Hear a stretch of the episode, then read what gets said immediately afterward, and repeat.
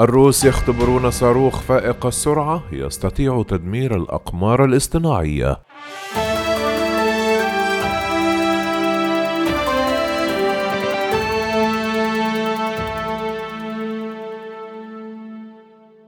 اختبرت روسيا بنجاح مؤخرا صاروخا جديدا فائق السرعة يستطيع تدمير الأقمار الاصطناعية ونجحت تجربة إطلاق الصاروخ ماخ 8 زيركون الذي تبلغ سرعته تسعة آلاف وستمائة وستة وخمسون كيلومترا في الساعة والذي صمم للحماية من الهجمات الجوية حسبما نقلت وسائل إعلام روسية عن وزارة الدفاع.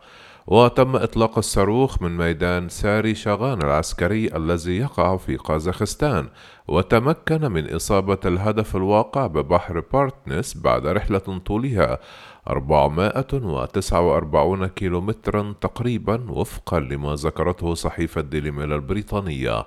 وتعليقا على الاختبار قال أندري دومين قائد أول للدفاع الجوي والصاروخي في قوات الفضاء الروسية أن الصاروخ أثبت قدراته عمليا بعد سلسلة من الاختبارات دون أن يكشف المزيد من التفاصيل التي تتعلق بمدى الدقة أو أي معلومات إضافية خاصة بقدرات السلاح. وكان رئيس قيادات قوات الفضاء الأمريكية جون ريموند صرح في إبريل بأن مثل هذه الصواريخ الروسية الاعتراضية والموجهة لخارج الأرض تمثل تحديا للمصالح الأمريكية في الفضاء.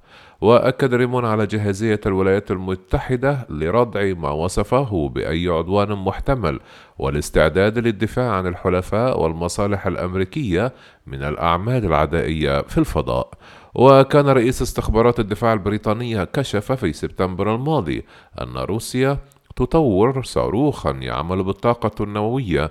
يمكنه التحليق حول الغلاف الجوي للأرض لسنوات متتالية وهو مجهز للضرب في أي لحظة.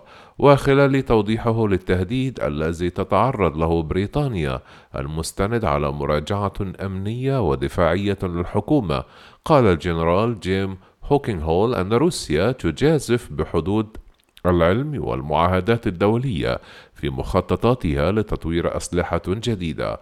وأشار هوكينغ هول إلى أن موسكو تختبر نظام صاروخ كروز يعمل بالطاقة النووية دون الصوتية ويتمتع بمدى عالمي وسوف يتيح الهجوم من اتجاهات غير متوقعة وفقا لصحيفة تلغراف البريطانية. واستنادا على مصدر طاقته النووية فإن الصاروخ الروسي الجديد يمتلك وقتا مفتوحا للتحليق فوق الهدف قبل ضربه على عكس الصواريخ الأخرى التي تملك وقتا محددا. ووفقا للصحيفة البريطانية فإن الجنرال هوكن هول يقصد صاروخ 9M730 بوريفيستنيك الروسي الجديد ويعتقد أن انفجارا في أغسطس من العام الماضي في القاعدة العسكرية بنيونوكسا شمال غرب روسيا نجم عن تعطل إحدى الصواريخ وتسبب الحادث في ارتفاع حاد لمدة 30 دقيقة في مستويات الإشعاع في القرية وأسفر عن مقتل سبعة أشخاص.